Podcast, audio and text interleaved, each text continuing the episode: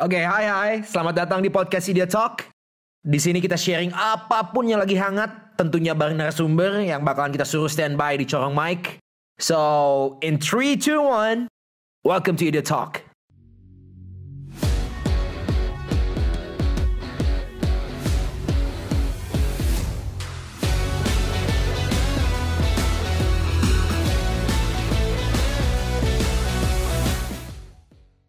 Halo, halo, welcome back to Idea Talk. Kita kembali dengan host yang sama. Episode 2 Idea Talk kali ini akan dipandu oleh saya Ben dari Idea Imaji.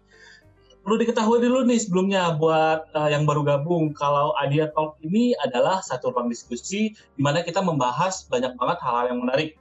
Uh, mulai dari fenomena-fenomena sosial di bidang teknologi, di bidang bisnis, digital, dan bidang-bidang lainnya. Nah, berhubung nih ya, kemarin internet tuh sempat heboh dengan peluncuran PS5 yang akhirnya gitu kita bisa melihat penampakan next gen konsol ini. Uh, Idea Talk episode 2 kali ini akan membahas tentang industri games dan hal-hal menarik di dalamnya. Untuk itu Idea Talk udah sengaja nih kita uh, menghadirkan dua orang yang yang bisa gue bilang uh, veteran di industri video industri games Indonesia gitu itu ada Mbak Sheni dari Agate dan Mas Fiku dari hybrid.co.id. Halo, Halo, selamat pagi Mas, Mbak. Pagi-pagi. Pagi. uh, sebelum kita mulai nih, boleh dong uh, perkenalkan dulu uh, tentang eh perkenal ya perkenalkan dulu diri dulu. Uh, mulai dari Mbak Sheni dulu deh, mulai dari uh, lingkup pekerjaannya, terus uh, gamers juga bukan. Jadi okay. pengen tahu juga nih uh, game favoritnya apa aja. Oke. Okay. Halo, selamat pagi semuanya. Makasih banyak Mas Ben, Mas Nudi, dan tim Idea Imaji untuk undang saya. Um, saya dari Agate, sekarang saya uh, sebagai COO dari Agate. Um, terus kalau lingkup pekerjaannya saat ini sih um, bisa dibilang mengoversee uh, the whole operational of the company ya. Jadi dari mulai uh, pembuatan produknya sampai uh, dari mulai penjualannya terus sampai uh, support sistemnya juga dari mulai uh, human resources, uh, finance, hitung-hitung duit gitu ya.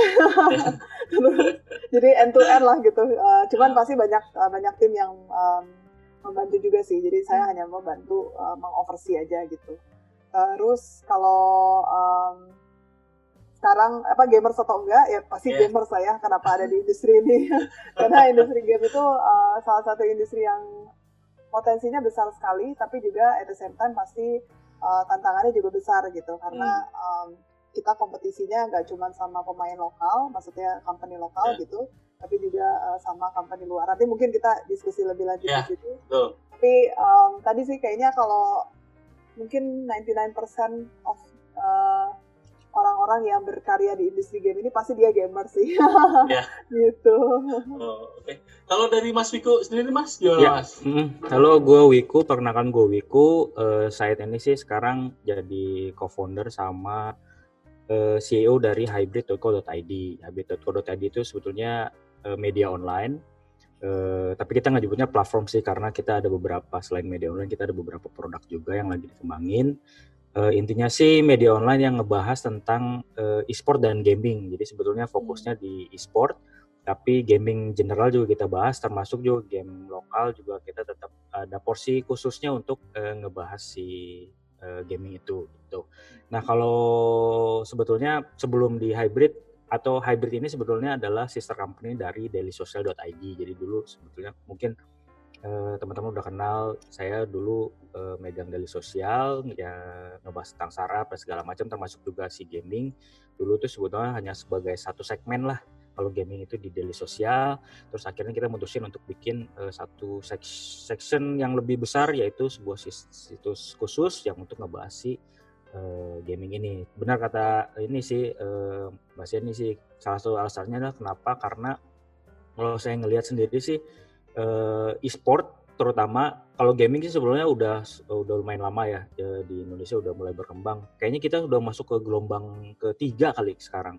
Dulu banget ada waktu zaman Armor tuh, Armor game segala macam, Flash game, lalu muncul mobile games, terus sekarang kan generasi baru kayak handheld, uh, Steam, Switch dan segala macam gitu.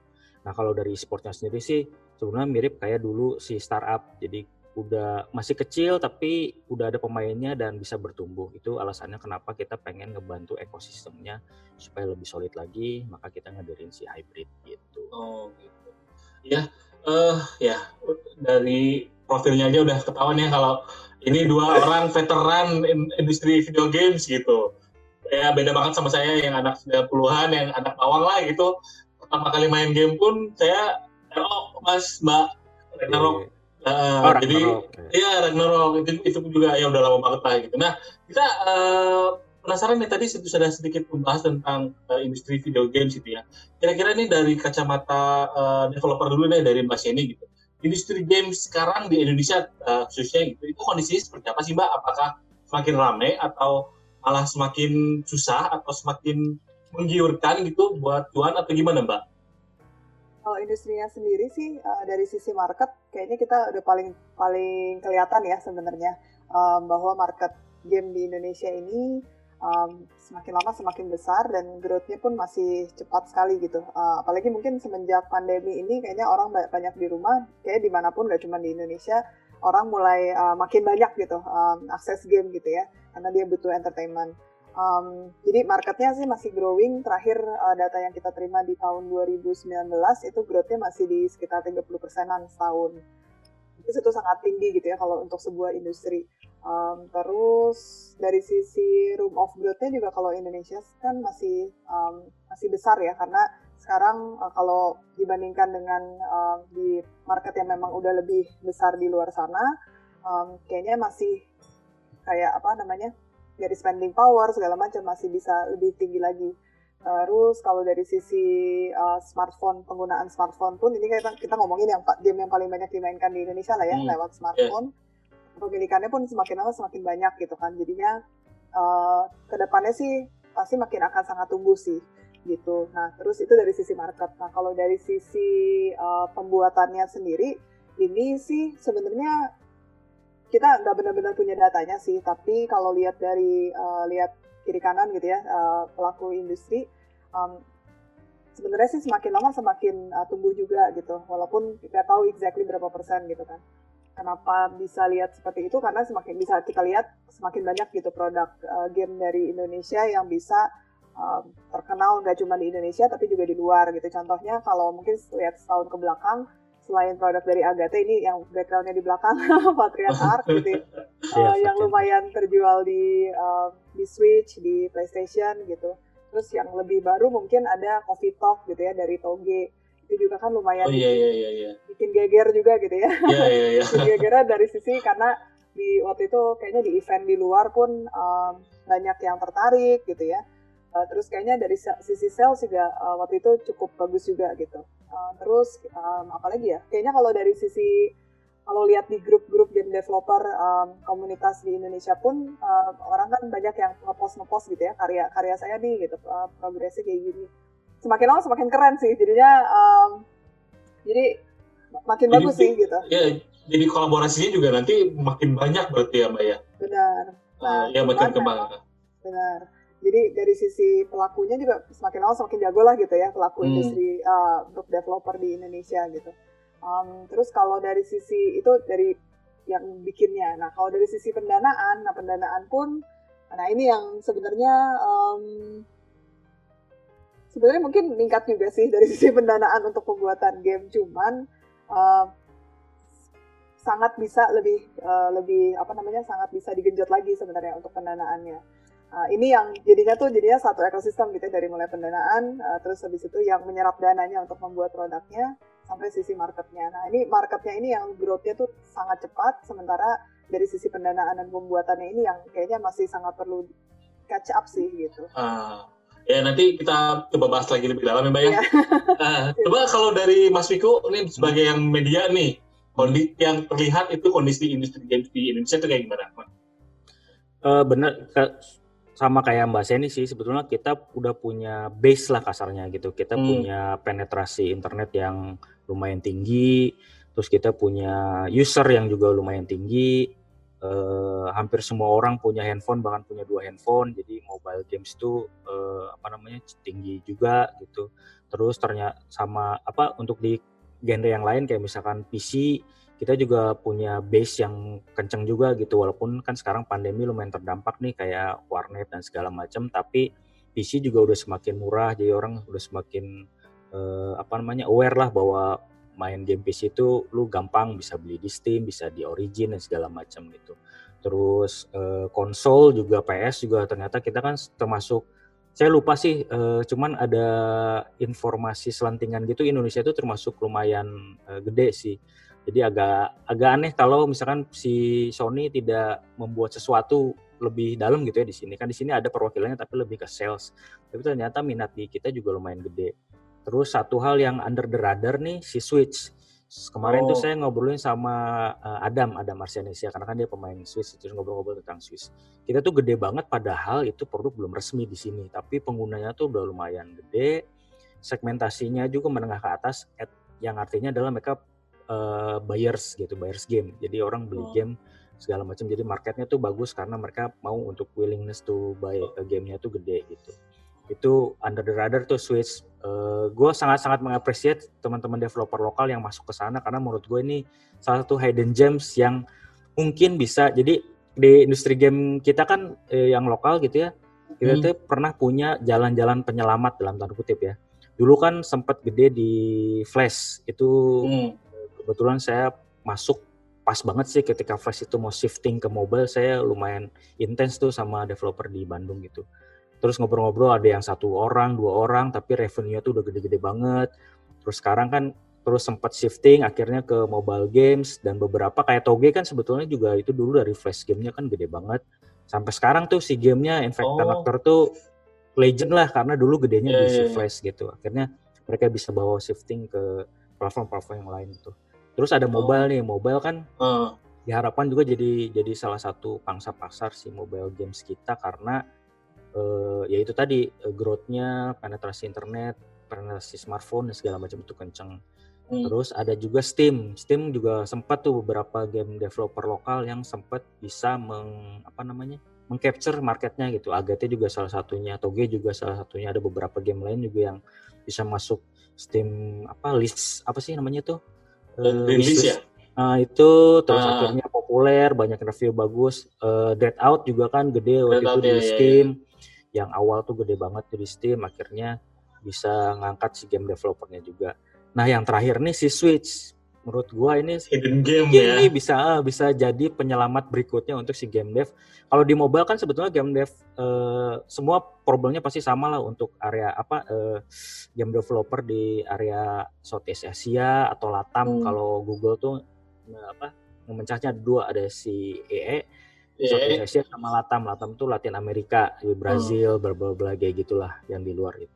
Dua ini kan sagalnya sama uh, di mobile games itu kan udah penuh banget gitu. Saingannya segala macam udah penuh banget. Jadi untuk dapat spot itu lumayan struggling bukan struggling lumayan effortnya lumayan gede gitu. Ada beberapa hmm. game dev juga yang harus bikin strategi iklan yang lumayan ngeluarin budget gede. Belum lagi kan harus mikirin apa namanya uh, resource buat ngembangin gamenya segala macam. Nah hmm. si Switch nih kisah suksesnya udah ada nih si si apa namanya game dev lokal Agate, Toge, terus ada kalau nggak salah ada beberapa game lain juga yang nyoba. Gitu. Nah, mudah-mudahan sih bisa ngangkat juga.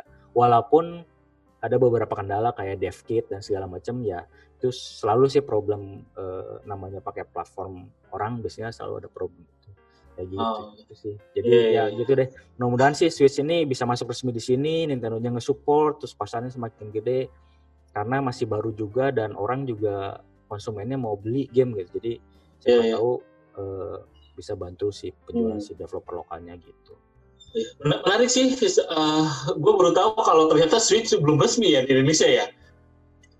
Belum, kalau cek aja ada ini enggak service center di sini. Pokoknya intinya kalau mau resmi itu pasti ada service uh, center aja. Oh iya, soalnya kan ya center kalau lihat di sosial media sosial media itu kayak waktu Animal Crossing booming tuh hmm. itu ada yang rela sampai juta-jutaan kan buat yes, buat yes. belinya gitu. Makanya ya benar berarti potensinya gitu. Nah itu uh, tadi kita ngomongin potensinya gitu ya. Tapi kalau kita berbicara tentang ekosistemnya nih uh, kondisinya tuh sekarang gimana sih ekosistem industri games di Indonesia gitu? Uh, kalau kita lihat misalnya Singapura gitu ya. Singapura tuh kan udah ekosistem industri gamesnya tuh udah benar-benar terbukti ya dengan adanya kantor cabang perusahaan-perusahaan game itu kayak Sony, EA, Ubisoft gitu. Terus ada event juga kayak GameStar Asia gitu. Nah, apa sih yang membedakan ekosistem industri di Indonesia dengan ya negara tangga Singapura lagi? Dari Mas ini dulu deh. Oke, uh, mungkin kalau dibandingin sama uh, mungkin kalau Singapura agak tricky juga ya. Tapi kalau misalnya contoh terlalu jauh gitu mbak? Uh, bukan terlalu jauh. Uh, oh. Karena apa ya? mungkin kita biasanya bandinginnya sama misalnya Vietnam gitu. Ya, Vietnam, boleh, boleh, boleh, boleh, boleh. Ya, nah kalau Vietnam, itu uh, dari sisi jumlah developer lokalnya itu um, udah jauh lebih banyak dibandingkan hmm. di Indonesia.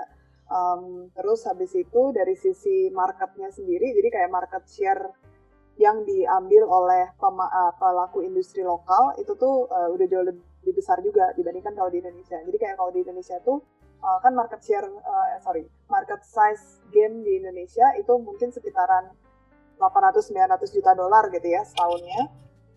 Terus uh, yang berhasil diambil uh, oleh pelaku industri lokal itu tuh less than 1% gitu. Um, oh. Sementara kalau di Vietnam itu uh, udah jauh lebih tinggi sih, itu uh, mungkin kan sekitar puluhan persen lah gitu. Sebenarnya kenapa Vietnam bisa seperti itu? Uh, salah satu faktor uh, kuncinya adalah karena uh, pemerintahnya itu melakukan proteksi market, jadinya nggak um, sembarangan game bisa langsung publish di uh, oh. Vietnam gitu. Jadi harus yeah. Iya, harus berpartner sama uh, apa perusahaan lokal lah atau gimana gitu. Jadinya um, itu sih. Tapi faktor-faktor yang lainnya juga banyak juga uh, karena banyak orang Vietnam yang memang uh, kerja keras banget gitu ya sehingga dia akhirnya bisa catch up dengan cepat gitu dengan ya, industri global juga gitu sih uh, mungkin kalau Singapura um, Singapura agak berbedanya tuh karena mungkin uh, dia dia lebih banyak lebih banyak uh, apa namanya dikenalnya tuh di kalau ngomongin ekosistem game development karena tadi yang persis yang uh, seperti Mas Ben bilang bahwa banyak perusahaan game luar yang bikin cabang di sana. Cabang di situ. Uh, oh. Karena mungkin dari sisi uh, legal prosesnya gitu lebih hmm. lebih mudah oh, lah ya. Iya benar-benar jadinya uh, seperti itu. Terus uh, sehingga memang banyak juga talent dari negara tetangga sekitaran Singapura karena kan Singapura kecil banget ya populationnya. Um, yang akhirnya jadinya kalau misalnya contoh gak usah jauh-jauh di Indonesia pun banyak yang uh, game developer veteran gitu ya lebih veteran hmm. lagi dari Mas Riko sama aku oh. gitu. yang um, akhirnya dia ke sana benar oh, karena yeah. entah gajinya lebih tinggi lah atau yeah, misalnya yeah, yeah. dia resource-nya juga mungkin lebih lengkap gitu ya benar dan juga uh, ya tadi misalnya dia oh jadi bisa kerja di Ubisoft misalnya kayak gitu kan oh, terus yeah, yeah, yeah. Um, itu sih tapi kalau dari sisi game developernya sendiri sih um, dibanding Vietnam sih lebih lebih lebih maju Vietnam sih kalau yang lokalnya ya developer lokal yeah, yeah, yeah, yeah. developer lokal oh, lokal Vietnam gitu jadi Nah, begitu sih mungkin. Hmm. Kalau Mas Bigo gimana Mas? Uh, ini saya ada dua sumber sih. Dulu tuh saya pernah uh, ngobrol sama Arif Agate di, di di panggung di ITB lah apalah gitu. Saya nanya tentang dev segala macam. Sebetulnya uh, agak kompleks sih si game developer ini kan sebetulnya lintas ini ya bidang ya. Ada ada animasinya, ada animasi aja dipecah lagi kan. Ada yang mungkin 2D base, ada yang anim apa yang 3D eh, base gitu segala macam. 3D base ya, ya. Developer, ada developernya, belum ada story, stories kan ada writer dan segala macam. Hmm. Belum musik, ada musik dan segala macam. Belum lagi bisnis as eh, usual ya ada uh, manajemennya di segala macam. Nah, si apa namanya divisi-divisi uh, ini kan sebetulnya uh, akan bergantung pada uh, pertama kampus uh, pendidikannya ada nggak untuk support itu gitu. Terus uh, supporting si talentnya juga di kita uh, lumayan lag behind sih kayak misalkan baru beberapa tahun ke belakang lah artwork kita tuh benar-benar bisa top notch lah gitu. Tapi sebelumnya kan masih banyak developer-developer yang belum ngerti gitu bahwa lu kalau mau bikin game tuh lu artworknya emang harus dikemas. Uh, nggak hanya sebetulnya nggak hanya ideation bahwa eh ini gameplaynya menarik gitu. Tapi lu harus dikemas dikemas dengan artwork yang bagus dan segala macam. Nah ke sini sini kan hampir semua yang dirilis game dev kita tuh bikin berjakan berdecak kagum lah kayak wah oh, artworknya misalnya bisa kayak gini. Lah emang bisa gitu. Di kita artworknya udah bagus-bagus gitu. Nah cuman harus membikin yang yang tadi tuh artwork bagus apakah gameplaynya bagus terus hmm. uh, apa storynya bagus dan segala macam dan setelahnya tadi uh, yang dibilang sini juga marketingnya bagus apa enggak dan segala macam gitu. Itu yang pertama. Terus yang kedua tuh kemarin tahun kemarin tuh saya ikut acara si Google yang bikin Indie Accelerator Program. Hmm. Di situ uh, si Google ngumpulin dari beberapa game developer dari Southeast Asia sama uh, Latam, uh, Latin Amerika. Yeah. Kita Indonesia itu diwakilin sama dua si Nightspade, si Gary, Mas Gary sama ada main terus, main terus aja saya baru dengar tuh pas ada acara itu. Tapi ternyata gamenya downloadnya gila-gilaan, udah lebih dari satu oh, iya. miliar kalau nggak salah ya. Dia oh, main kayak gila kayak gasing gitu tapi multiplayer uh. gitu itu menurut oh. gua oh nice benar juga idenya bagus gitu itu si yeah. Iya. itu itu nah dari sana sih sebetulnya ada banyak uh, insight juga dari si insight. yang tadi tuh regional negara-negara regional sebetulnya dari kalau dari ekosistem komunitas kita itu sebetulnya uh, lumayan solid sih kayak Agi kan sering bikin acara segala macam terus teman-teman kita di media lain tuh di dulu kan ada game developer conference dan segala macam Terus yang regional tuh Jogja punya komunitas sendiri, Game Dev Jogja, Bandung punya segala macam. Cuman kan karena negara kita tuh luas banget gitu ya, jadi terkesan tuh kayak kecil-kecil terus nggak ada apa-apanya gitu.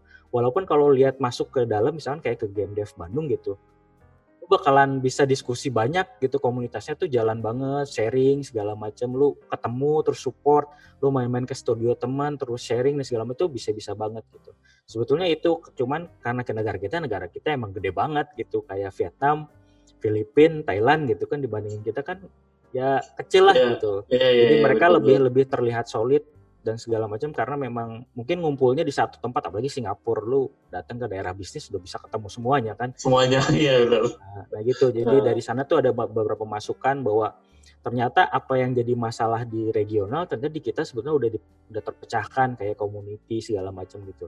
Tapi ada juga beberapa hal yang sudah dipecahkan di negara lain di kita belum. Misalkan kayak konsumsi uh, orang mau beli gitu. Orang mau beli di kita kan baru-baru sekarang nih ketika ada kemudahan pembayaran bisa pakai GoPay, OVO, uh, Telco segala macam baru deh orang mulai beli. Padahal dulu tuh jadi masalah utama kan orang utama, kita nggak iya, mau beli iya. ngapain rilis rilis game berbayar gitu orang kita nggak mau beli. Gitu. padahal ternyata ketika ada pilihan eh bisa GoPay nih ya udah beli. Tim bisa jualan di Topet ada yang jualan gitu lu beli code-nya eh bisa pada beli kayak gitu. Switch juga udah banyak tuh yang jualan. Nah akhirnya akhirnya gitu. Jadi sebenarnya kalau dari si ekosistem kita ada yang udah udah berjalan dengan baik ada yang memang hmm. harus di, dipelajarin. Cuma satu hal yang saya dapat dari si acara kemarin itu emang ini sih uh, masih banyak uh, developer game Indonesia ini permasalahan dari dulu sih yang memang membuat karena suka gitu. Jadi uh, namanya indie game developer kan gitu kan biasanya gue suka gue gue pengennya tuh uh, gameplaynya A gitu. Gue nggak peduli di pasar gameplay A. Aku atau enggak oh, gitu ya. Gue maunya A karena itu dari gue. Nah uh, hal-hal yang kayak gitu sebetulnya harus memang harus dikompromiin sih karena memang hmm. persaingannya nggak semudah itu gitu. Ketika yeah, yeah, yeah. genre A, artworknya bagus, segala macam, developmentnya bagus, segala macam, tapi ternyata genre itu misalkan tidak laku di mobile, padahal laku di Switch.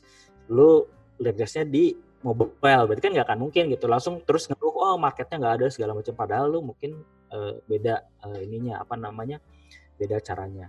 Kemarin saya ngobrol sama Adam tuh uh, dia ngejelasin si agak mungkin game-game developer gede kayak Agate udah toge udah punya ya. Jadi mereka udah punya analisis yang lengkap ketika mau ngerilis game itu. Prosedurnya tuh sebelum genre itu dipilih sebelum hmm. platform mana yang harus dipilih itu udah di udah diteliti gitu ketika kenapa uh, Coffee Talk rilis di Steam eh rilis di Switch duluan misalkan kenapa nggak di Steam duluan? Itu mereka udah ada udah ada apa ya uh, datanya lah gitu ketika ngerilis itu mereka bisa di strateginya bisa diatur uh, gua harus promonya gimana gimana segala macam. Nah si game developer kita ini harus mulai membuka diri sih harus mulai belajar gitu. Bisa belajar dari uh, apa sih dia yang udah gede kayak Agate Toge itu sering sharing banget si Chris malah nge-share data tuh di Twitter banyak banget oh, data iya. yang, wih ini mulai data-data yang sebetulnya semi dapur gitu tapi dia, dia pengen nge-share gitu karena ya uh. mungkin buat, buat encourage uh, teman-teman yang lain untuk oh gue harus mikirin ini nih nggak cuman bikin kayak oh gue suka gitu tapi harus bikin beberapa faktor. Nah leveling itunya sih yang harus ditambahin gitu. Hmm ya berarti bisa dibilang uh, ada ada satu kesenjangan antara developer lama dengan developer baru baru gitu ya. Maksudnya developer developer baru tuh masih mengutamakan idealisme dia gitu ya. Belum dikirim ke sisi bisnisnya, sisi marketingnya, belum penelitian ini harus uh, rilis di mana seperti gitu ya. Nah, kalau kita berbicara tentang faktor-faktor pendukung nih dari uh, industri game Indonesia gitu. Tadi kan uh, Mas Viku sudah bilang nih kalau secara regional community udah jalan gitu. Nah, tapi kalau kalau dari sisi developer pengen uh, apa ya? Ada nggak sih kalau dari dari pemerintah gitu? Itu kan tadi bottoms up uh, community regional itu mereka studi-studi itu pada bersatu gitu. Ada nggak sih wadah yang diberikan oleh pemerintah buat uh, ini gitu? Nah, pemerintah ini sebenarnya sulitnya adalah kita kan ekosistem itu selalu berharap pemerintah ikut peran gitu. Cuman susahnya tuh pemerintah tuh mereka kan kebijakan itu selalu monumental, bukan monumental, maksudnya selalu terjadwal gitu. Kayak kebijakan misalkan dulu ada Backcraft. Backcraft punya divisi khusus buat game dan dia lumayan kok support segala macam bikin acara game developer confer apa game prime. Game prime-nya juga game prime oh iya iya. support segala macam. Terus ada apa masukin game dev lokal ke acara apa tuh yang ya. Uh, archipelagic ya? Uh, archipelagic itu ke mana-mana termasuk ke South by Southwest. Itu oh. itu adalah supportnya. Tapi ya itu pemerintah itu kan berdasarkan program. Ketika program itu sekarang kan backcraftnya kebijakannya di nggak ada ini masuk lagi ke yeah. paragraf gitu akhirnya kan uh. programnya pasti menyesuaikan lagi gitu segala yeah. macam jadi memang kalau dukungan pemerintah tuh ketika itu ada manfaatin aja sebaik-baik mungkin gitu diperah lah gitu ketika itu supportnya dibuka manfaatin segala macam segala macam karena mungkin itu nggak les gitu karena ya kebijakan gue juga nggak tahu sih di sana gimana cuma kan preferensi beda-beda gitu ketika mungkin tahun kemarin fokusnya adalah ke kreatif gitu. Tapi kalau sekarang mungkin fokusnya ke uh, industri gitu. Pasti kan kebijakannya beda-beda lagi gitu. Nah, support-support yang kayak gitu sih sebetulnya ya ya itu tadi sih agak sulit karena memang nggak kadang nggak continue gitu. Terus Indonesia kan ya itu tadi ya problemnya banyak. jadi ketika mungkin di Vietnam bisa tuh proteksi gitu karena mungkin problem uh, yang lain mereka udah beres. Jadi udah kalau beres, gitu. proteksi nggak akan ada masalah gitu. Tapi yeah, kalau yeah, yeah. Iya. nanti kalau diproteksi wah nanti Indo ada ini mungkin, nyambung gitu ya iya, domino efek gitu. ada mungkin ada juga industri publisher gitu. Mungkin industri publisher keberatan karena dia mungkin harus mengeluarkan biaya lebih dan segala macam. Hmm, tapi yeah. itu mensupport si developer kita gitu. Jadi ya kayak gitu sih. Sebetulnya itu yeah, juga yeah. masalah yang belum belum bisa selesai sih. Cuman kalau dari si, si pemerintah sih menurut saya inisiasinya udah lumayan adalah gitu Terus kita kan udah ada asosiasi juga dan asosiasi setahu saya juga sering ngobrol gitu sama pemerintah minimal kasih masukan. Minimal mereka udah di diketahui lah ada gitu. Iya, iya. ada gitu ya. Jadi, Kalau dari Mbak Shelly, uh, kira-kira apa aja sih Mbak dari yang sisi game dev gitu? Faktor-faktor yang bisa ngedukung industri games uh, Indonesia itu jadi melesat banget gitu? Um, sebenarnya balik lagi ke yang tadi sih dua faktor uh, yang um, kan kalau market itu kan dari lebih ke result gitu ya. Tapi kalau dari hmm. sisi yang bisa kita improve adalah um, jumlah bukan cuma dua sih tadi jumlah talentnya. Tadi jumlah talent. talent. Terus jumlah perusahaannya dan juga uh, jumlah pendanaannya juga. Ini tuh tiga tuh sangat berhubungan satu sama lain gitu karena hmm. uh, kalau nggak ada pendanaan perusahaan juga susah gitu kan untuk dia akhirnya bisa hire uh, more talents, terus akhirnya dia bisa start project misalnya gitu. Tapi um, kalau misalnya nggak ada perusahaannya juga talentnya juga uh, apa bingung juga gitu mau mau kerja yeah, yeah. mau ke mana gitu ya. Nah, tapi kalau misalnya juga kalau nggak ada pendanaan, talentnya juga ya tadi karena perusahaannya nggak punya dana, talentnya yeah, juga yeah. mau gimana gitu. Maksudnya uh, ya nggak mungkin juga kan pasti kan hmm. karena harus make a living juga gitu hmm. Tiga saling berkaitan satu sama lain sih. Jadi mungkin um, satu mungkin yang faktor pendukungnya satu pendanaan harus jauh lebih uh, digenjot gitu bagaimanapun caranya. Gak cuman ini gak cuman tanggung jawab pemerintah sih tapi maksudnya tanggung jawab uh, semua pelaku industri gitu ya. Gimana caranya kita bisa ningkatin ini. Karena kalau misalnya lihat dari industri sebelah industri uh, film gitu ya industri film itu uh, pendanaannya itu udah jauh lebih besar gitu daripada pendanaan di pembuatan uh, game gitu. Yeah, iya. Padahal yeah. dari sisi marketnya, market game itu um, bisa lebih, lebih dari lima kali ya? lipat. Nah, benar. Oh lima kali lipat, Mbak? Uh, nah, berapa kali lipat ya? Kayak terus, kalau nggak salah terakhir tujuh kali lipat sih. Wow. Kali lipat gitu. Jadi dari sisi marketnya sendiri tuh jauh lebih besar gitu. Tapi kenapa pendanaannya tuh mandek gitu kan? Iya. yeah, yeah um, itu sih mungkin tiga uh, tadi kan pendanaan ya. Terus habis hmm. itu benefitnya adalah um, tadi yang seperti Mas Vicky udah ceritain juga um, kegiatan-kegiatan yang di endorse baik sama asosiasi, sama pemerintah atau yang grassroots gitu kayak dari game developer, game developer uh, komunitas masing-masing daerah itu juga tetap gak kalah pentingnya juga. Karena itu yang bisa bikin um, talent-talent baru juga tetap punya wadah gitu ya untuk mereka bisa belajar dan talent-talent yang lama juga, juga bisa saling sharing gitu kan. Um, terus karena tadi baik lagi talentnya juga perlu ada karena kalau pendanaannya doang yang ada tapi kalau misalnya perusahaan sama talentnya nggak ada gimana gitu ya sama sama juga gitu jadi um, yang kedua tadi kalau pertama lebih ke pendanaan yang kedua adalah dari sisi komunitas terus yang ketiga hmm. adalah dari sisi um, ini mungkin ya kayak sebenarnya komunitas sama ed, uh, bukan edukasi juga apa sebutannya ya jadi kayak kayak um, untuk menarcar uh, talent-talent baru juga sih. Oh iya iya, latihan mungkin atau ya, latihan dan iya, juga iya, gitu. um, itu uh, sama. Eh si Agatha kan bikin magang gitu ya, itu bagus sih menurut gua kayak ya, ngajakin benar. yang baru-baru buat belajar biar dia bisa bikin sendiri gitu. Hmm, terus kayak yang waktu itu kita uh, sekarang juga masih jalan sih. Jadi Telkom sama Agatha kerjasama untuk bikin uh, namanya game startup incubation. Jadi itu kayak uh, game company, um, udah company atau belum ya? at least tim sih tim tim tim yang salah lima orang gitu ya dia bikin game terus habis itu kan ini startup baru gitu ya terus hmm. dia bisa apply ke si uh, kita oh. brandnya tuh Indigo Game Startup Incubation dia bisa apply ke situ terus habis itu nanti dia akan di um, inkubasi uh, oh di camp dulu ya di camp dulu ya inkubasinya kalau nggak salah tiga bulan gitu tiga tiga atau empat hmm. bulan terus di situ nanti ya ada mentorship terus habis hmm. itu dikasih uang saku juga sehingga mereka at least bisa tenang gitu ya, tenang untuk hmm. fokus ngikutin si inkubasi itu. Yeah, yeah. Terus nanti juga akan dikonekin dengan uh, investor di akhir uh, masa inkubasi supaya hopefully nanti proyeknya bisa benar-benar uh, di, diselesaikan gitu sampai akhirnya bisa dikomersilkan. Kayak gitu sih. Jadi um, gitu sih mungkin ya. Hmm.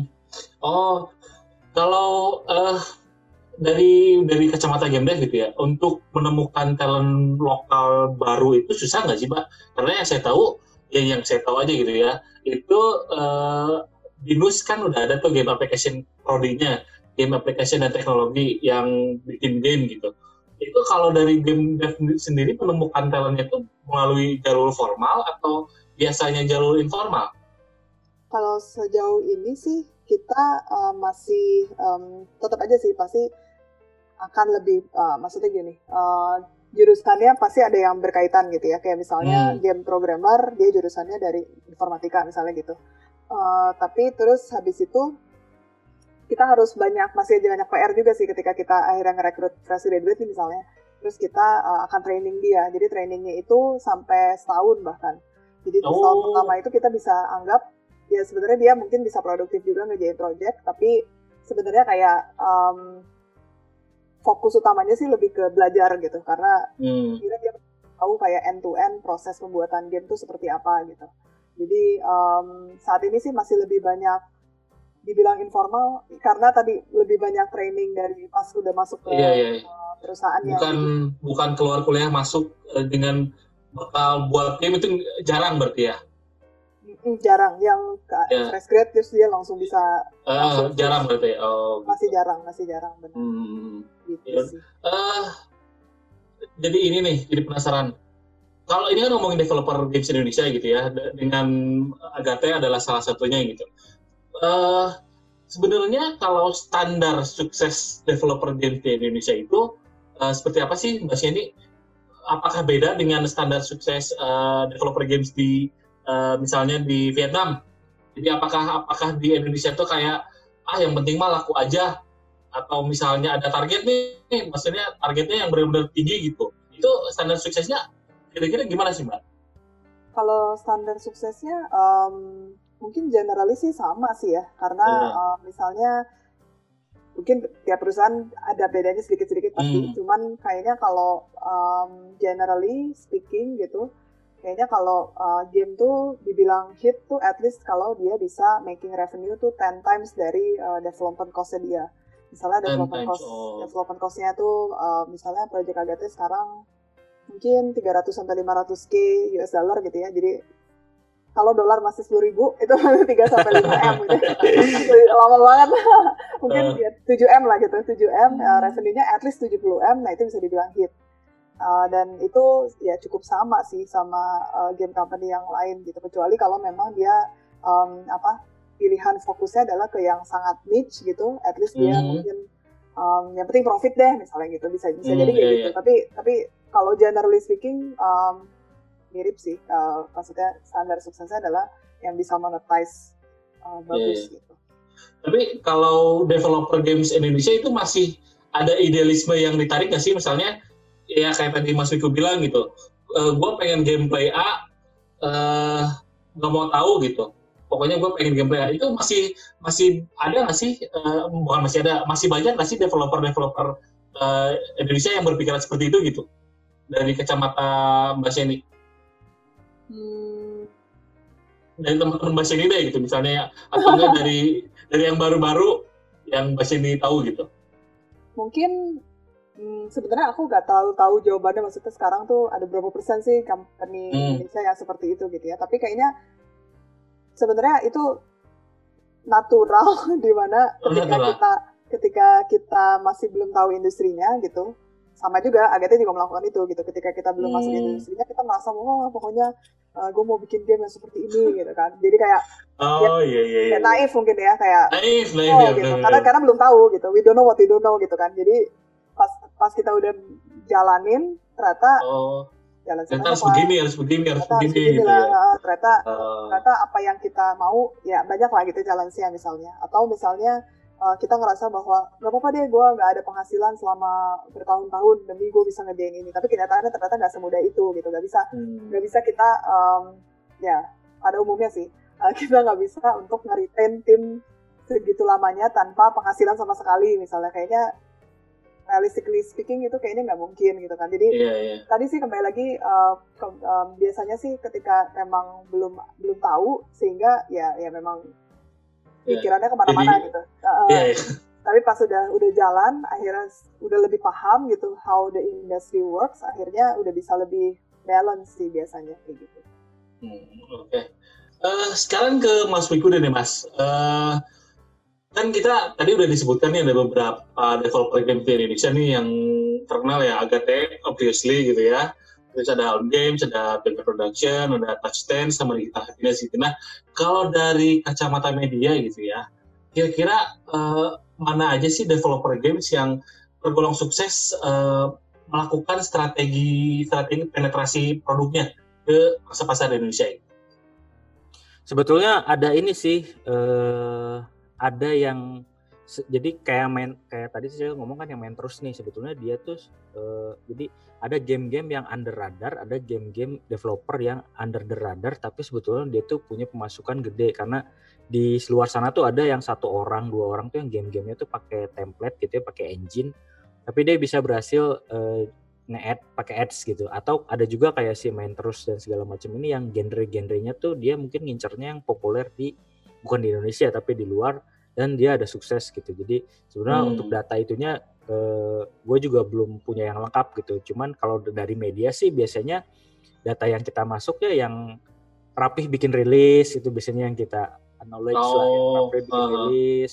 Terus yang eh, ngasih data-datanya juga lumayan seru untuk dibikin berita gitu kayak misalkan eh, data penjualan, data download dan segala macam kayak Agate, Digital Fitness, Toge itu kan sering ngasih rilis tuh kayak ketika kemarin si gambar yang di belakang Mbak Seni itu berhasil kan AGT bikin tuh rilis bahwa udah berapa kali di download terus market mana yang yang laku oh, misalkan kayak laku gitu ya. uh, uh, di apa ber, Latam berapa di Indonesia berapa oh ternyata oh kayak Dread Out kan dulu yang awal tuh oh ternyata di Indonesia lebih dikit. Ternyata yang kedua Indonesia lebih gede. Nah kayak gitu kan menarik untuk dibahas gitu. Jadi sebetulnya ya gitu sih kalau dari media lihatnya uh, mereka yang yang maksud gue ada yang kita tahu tuh yang berhasil yang seperti itu tapi ada juga beberapa yang yang sukses dengan caranya sendiri ya dalam tanda kutip. Mereka mungkin menemukan pasar pasar yang sebenarnya gue nggak perlu bikin rilis tapi gue bisa dapat download gede. Kayak misalkan memang mungkin genre-genre genre-genre gamenya tuh yang yang apa ya yang tidak ada gameplay yang bukan ribet, yang sederhana yang kompleks ah. casual tapi mungkin dia bisa berhasil dari ads atau mungkin casual tapi ada promo brand yang masuk dan segala macam kayak gitu gitu gitu sih biasanya kayak gitu. Cuman ya kalau dari kita sih ya, ya itu tadi eh, nyambung sama dari yang Sheni.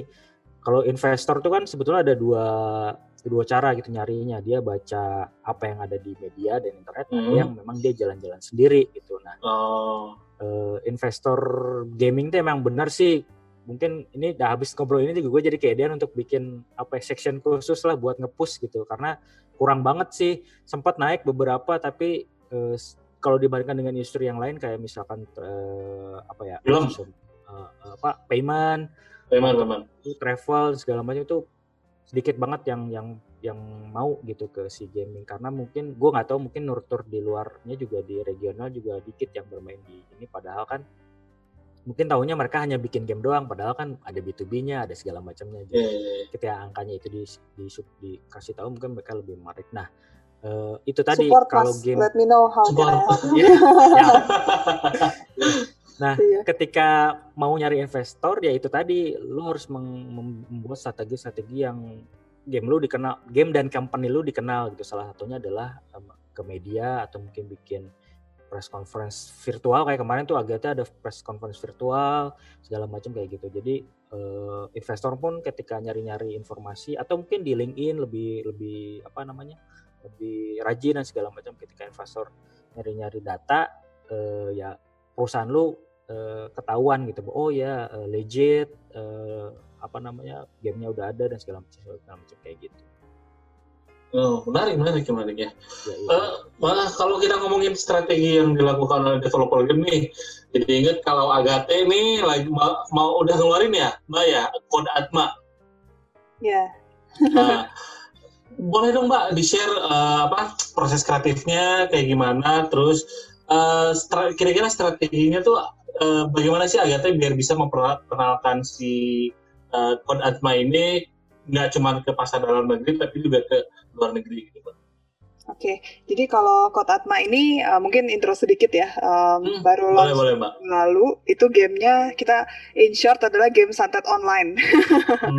jadi jadi di uh, si gamenya itu uh, bercerita tentang uh, setiap orang itu punya sebutannya Atma. Jadi kayak semacam um, makhluk tidak kasat mata yang uh, kita semua tuh uh, punya sebenarnya masing-masing uh, guardian angel lah gitu ya. Uh, nah, terus ada orang-orang yang bisa lihat itu dengan uh, matanya sendiri gitu. Ada juga yang kalau orang awam sih um, bisa lihatnya adalah pakai aplikasi. Pakai aplikasinya aplikasi Psikotatma. Di dalam cerita jadi ini Kotatma ini rada inception juga ya. jadi uh, kita di sebagai uh, karakter utama di dalam si gamenya ini kita uh, dapat dapat akses ke aplikasi si Kod Atma ini ceritanya. Terus kita bisa uh, ngeliat si makhluk-makhluk Atma ini, terus kita koleksi uh, dan juga dari kita koleksi ini nanti kita bisa bangun formasi um, kayak pasukan Atma kita sendiri. Terus nanti kita bisa um, apa battle gitu ya si battle. pasukan kita dengan uh, pasukannya Mas Ben misalnya gitu. Hmm. Uh, terus atau masuk uh, kita jadi ada PVP ada PVE. Jadi PVP itu kalau yang uh, dengan pemain pemain lain gitu ya. ya pemain lain Benar, kata kalau VV itu jadi kita ada ceritanya juga di dalam si aplikasinya ini. Jadinya um, ceritanya ini banyak yang bilang sih ceritanya sangat sangat bikin penasaran. di situ jadi kita bisa membela kebenaran gitu dengan uh, hmm. apa yang kita uh, apa bangun gitu. Yang menarik banget dan sangat diapresiasi so far oleh gamer-gamer lokal adalah karena karakter-karakter di Kota Atma ini tuh Indonesia banget gitu. Indonesia banget. Indonesia banget. Jadi dari mulai yang keren-keren kayak Gatot Kaca, ada uh, ada Rama, ada Rahwana gitu ya, sampai ada yang mulai menjurus ke mistis itu ada Nyiro Kidul, sampai mulai mistis banget itu kuntilanak gitu ya. kuntilanak, ya, pocong, jenglot semuanya. Tapi kita kita uh, package um, jadi something yang keren gitu. Jadi bukan masalah jump scare atau gimana. Jadi tenang aja kalau penakut, saya juga penakut, tapi saya main. jadi nah, gak, iya, takutin sama sekali. Nah terus um, tapi tadi sih jadi kembali lagi ke kenapa kita mau bikin game Code Atma ini karena kita ngerasa bahwa sebenarnya di Indonesia itu banyak banget karakter karakter-karakter atau budaya-budaya yang sebenarnya keren banget gitu. Keren banget dan uh, bisa banget untuk di package jadi something yang uh, cool untuk uh, bahkan bisa um, dipopulerkan di uh, negara lain gitu sih. Jadinya uh, mungkin yang sudah dilakukan juga sama perusahaan uh, game lain, misalnya tadi Dreadout gitu ya, uh, dia bikin hantu-hantu di Bandung gitu. Yeah, yeah. jadi jadi uh, something yang kayak uh, kayak nge-hype banget gitu di luar. Uh, kalau yang ini si Kotama tadi kita kita package jadi jadi cool banget jadi kayak jelangkung gitu jadi something yang coba main deh jadinya nanti uh, keren banget ya gitu jelangkungnya gitu. tapi tapi nggak takut deh mbak ya nggak bikin gak, takut gak, ya? Nggak nggak nggak bikin. Oh. takut yeah. banget jadi Terus kalau yeah, so, uh, ya, lanjut, lanjut, Nah, kalau yang buat strategi ke globalnya, um, pastinya sih kita nanti kan kalau sekarang sih kita masih available karena masih soft launch juga jadi masih available lah untuk negara in, apa untuk uh, Indonesia aja tapi nanti kalau pas sudah kita ekspor uh, selain memang karakter-karakter yang Indonesia banget ini itu tetap ada jadi nanti kuntilanak akan diekspor ke negara lain gitu ya hmm. tapi juga uh, kita kita sih sekarang mikirnya adalah misalnya nanti kita udah ekspor ke negara lain contoh hmm, misalnya China misalnya gitu ya. Nanti di China pun nanti kita akan uh, masukin karakter-karakter mistis dari Lokal. China gitu ha, supaya um, bisa balance antara uh, relatability kan orang China nih dia nggak tahu apa-apa tentang kuntilanak kan.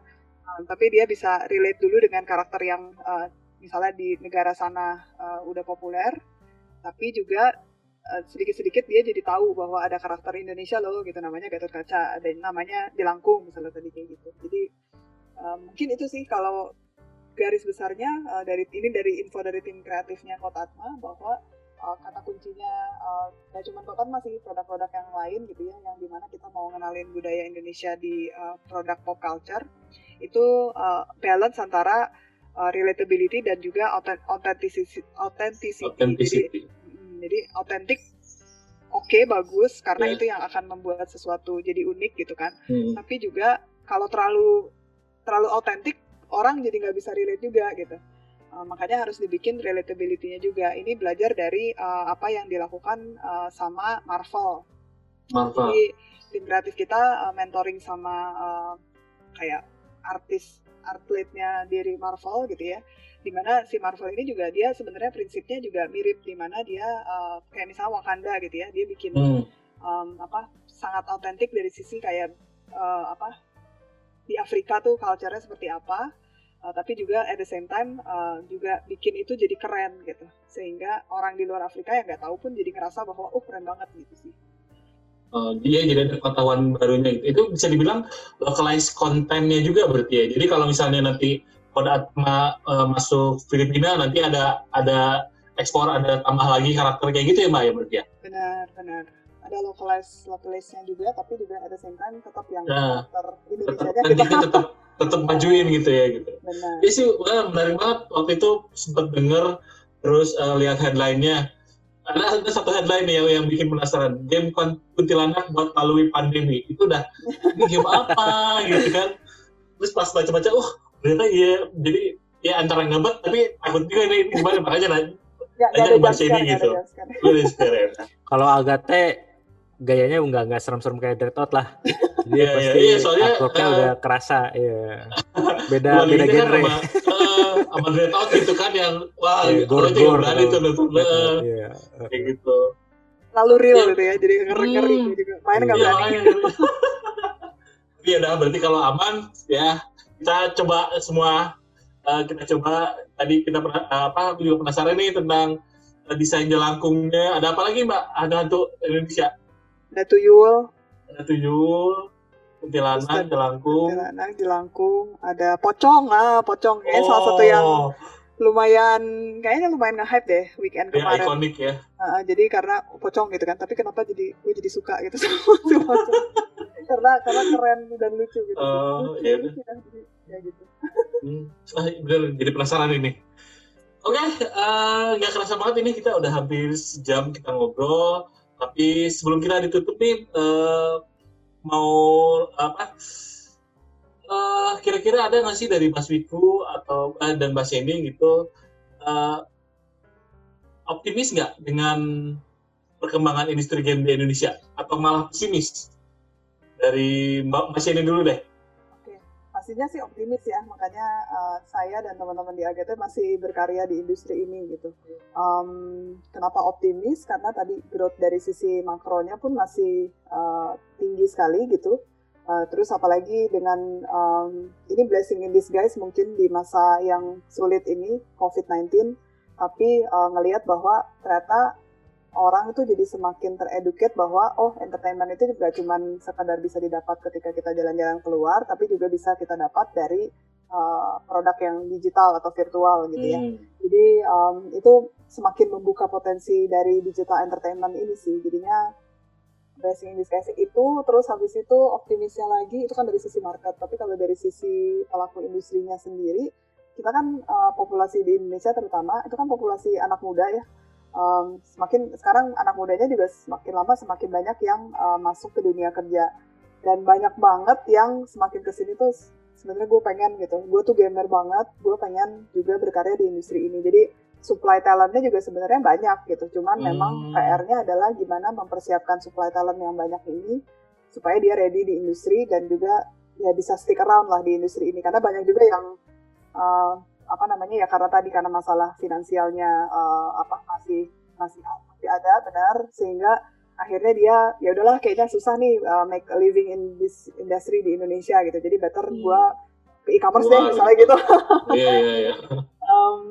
Tapi itu sih jadi baik lagi uh, masih banyak potensinya. Um, sebenarnya ini gimana PR yang pelaku industri sekarang untuk bisa tadi bisa pendanaan, kita solve masalah pendanaan, kita solve masalah gimana biar semakin banyak perusahaan yang bisa sustain di uh, industri ini dan juga semakin banyak talent yang bisa siap untuk ke industri banyak sih PR-nya tapi hmm.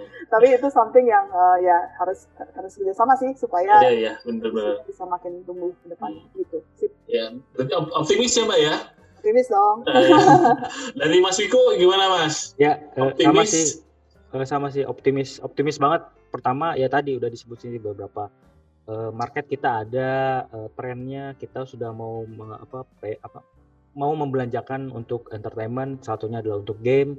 Trennya semuanya udah udah mengarah ke sana gitu. Kalau dulu masih masih jadi masalah orang nggak mau beli segala macam. Sekarang trennya udah ke sana udah mau beli. Alat paymentnya juga udah ada udah gampang banget. Jadi uh, bisa mudah-mudahan sih gue optimis bahwa ini jadi waktu yang tepat untuk si developer lokal untuk bikin game dan kalau mereka memang menargetkan untuk gamenya dijual ini mudah-mudahan ini jadi waktu yang tepat. Terus di sisi lain untuk dari developernya kisah suksesnya udah banyak. Jadi eh, teman-teman yang mau pengen berkembang tuh bisa benchmarknya udah jelas lah. Ada beberapa industri eh, developer game yang bisa dijadiin benchmark dan bisa belajar dari dari mereka. Dan mereka pun terbuka dengan dengan dengan hal itu gitu. Terus kalau ada uh, ada asosiasi, ada pemerintah bikin program segala macam, manfaatin aja semuanya untuk ngambil ilmunya gitu. Jangan resistance gitu kayak ah gue nggak mau dibantu, ah gue nggak mau ikut apa segala macam. Uh, jangan dulu lah karena kita butuh makin banyak kisah sukses gitu. Kalau yeah, yeah, kalau yeah. industrinya udah gede, resisten oke okay lah. Kalau kalian udah punya value gitu. Kita kita udah punya value gitu. Tapi kalau misalnya industrinya masih berkembang, jangan terlalu resisten. Maksudnya jangan jangan terlalu uh, apa namanya punya idealisme boleh gitu tapi uh, open mind kompromi gitu ya? Ada beberapa kompromi selama uh, kalian bisa ngejaganya nggak nggak masalahnya nggak masalah kok. Kita juga di media punya idealisme yang kuat tapi kita juga dapat investor gitu segala macam. Jadi asalkan kita punya cara untuk menjaga idealisme dan mengkomunikasikannya dengan stakeholder dan shareholder itu pasti bisa. Jadi gue sih optimis. Apalagi di industri di globalnya juga kayak konsol kan next gen udah keluar Switch juga laku banget sampai harganya gila-gilaan fluktuatif ya. Udah kayak yeah, sembako tapi kan orangnya juga banyak yang beli. Terus yeah, iya. mobile yeah. juga kebetulan karena saya juga megang di gadget uh, handphone yang bisa main game berat juga semakin murah uh, spesifikasi dan segala macam semakin tinggi dan semakin murah. Jadi sekarang bisa bikin beli handphone yang 50 eh, 90 Hz layarnya tuh udah udah murah lah di bawah 5 6 juta atau 8 juta udah bisa segala macam. Jadi kalau mau kompetitif bisa, mau casual bisa segala macam. Jadi industri segala macamnya komponennya udah mendukung. Jadi kita tinggal itu tadi open minded dan kolaborasi dengan dengan stake dan shareholdernya gitu. Holder. Ya mantap sekali. Oke, uh, terima kasih banyak ya. ini buat Mas Wiku, buat Mbak Sheni atas waktunya ya, sharing-sharing insight yang ya sebagai sebagai gamers uh, gamers pun jadi tercerahkan gitu ya. Apalagi buat para developer-developer games muda nanti ini yang nonton, semoga bisa ikut mengembangkan lah industri games Indonesia. Terima kasih banyak uh, Sama-sama. Mas Emi. Mas Wiku atas Terima kasih waktunya. banyak. Mas Ben. Mas Ben. Ya. tunggu tunggu tunggu. Gue jadi penasaran pengen lihat game code Atma dari Agatha yang katanya keren. Yuk kita cek. Cahaya kunang-kunang adalah pertanda maut. Nama saya Kasna. Saya bisa melihat mereka dengan mata telanjang. Tapi kamu, aplikasi ini akan menjadi matamu.